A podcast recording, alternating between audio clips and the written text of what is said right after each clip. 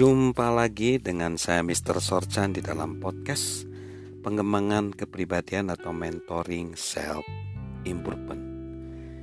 Mungkin kita punya pengalaman ya berhadapan dengan orang yang dia sangat banyak pengalaman namun hanya memiliki sedikit pemahaman.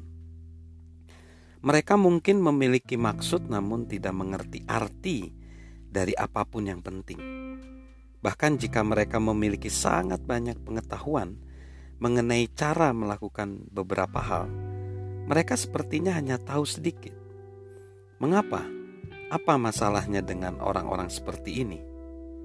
Pengalaman hidup mereka tidak direfleksikan dan dievaluasi. Ini yang penting. Pengalaman hidup mereka tidak direfleksikan atau dievaluasi ketika hidup sudah berlalu misalnya 25 tahun mereka tidak memperoleh pengetahuan senilai 25 tahun. Mereka hanya mungkin memperoleh pengalaman satu tahun dalam waktu 25 tahun tersebut.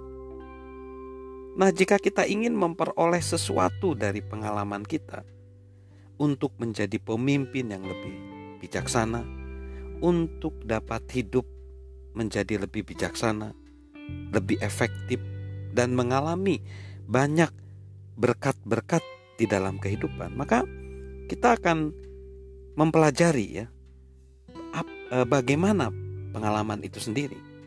Yang pertama, kita mengalami lebih daripada pemahaman kita. Kita mengalami lebih daripada pemahaman kita.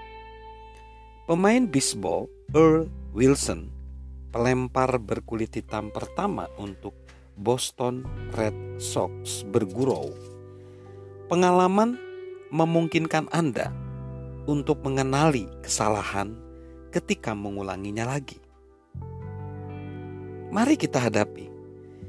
Kita akan melakukan kesalahan. Terlalu banyak hal yang terjadi dalam hidup ini tanpa kita mampu untuk memahami segalanya. Pengalaman kita mengalahkan pemahaman kita.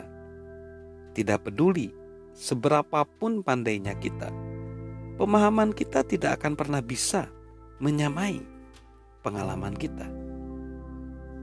Jadi, apa yang harus dilakukan untuk orang-orang seperti ini? Memanfaatkan sebaik-baiknya semua hal yang bisa dipahami. Mari kita lakukan tips seperti ini. Pertama, di akhir setiap hari, kita harus berusaha bertanya kepada diri kita sendiri, apa yang saya pelajari dari hari ini? Itu membimbing saya untuk melihat kembali halaman dalam buku buku catatan saya hari itu.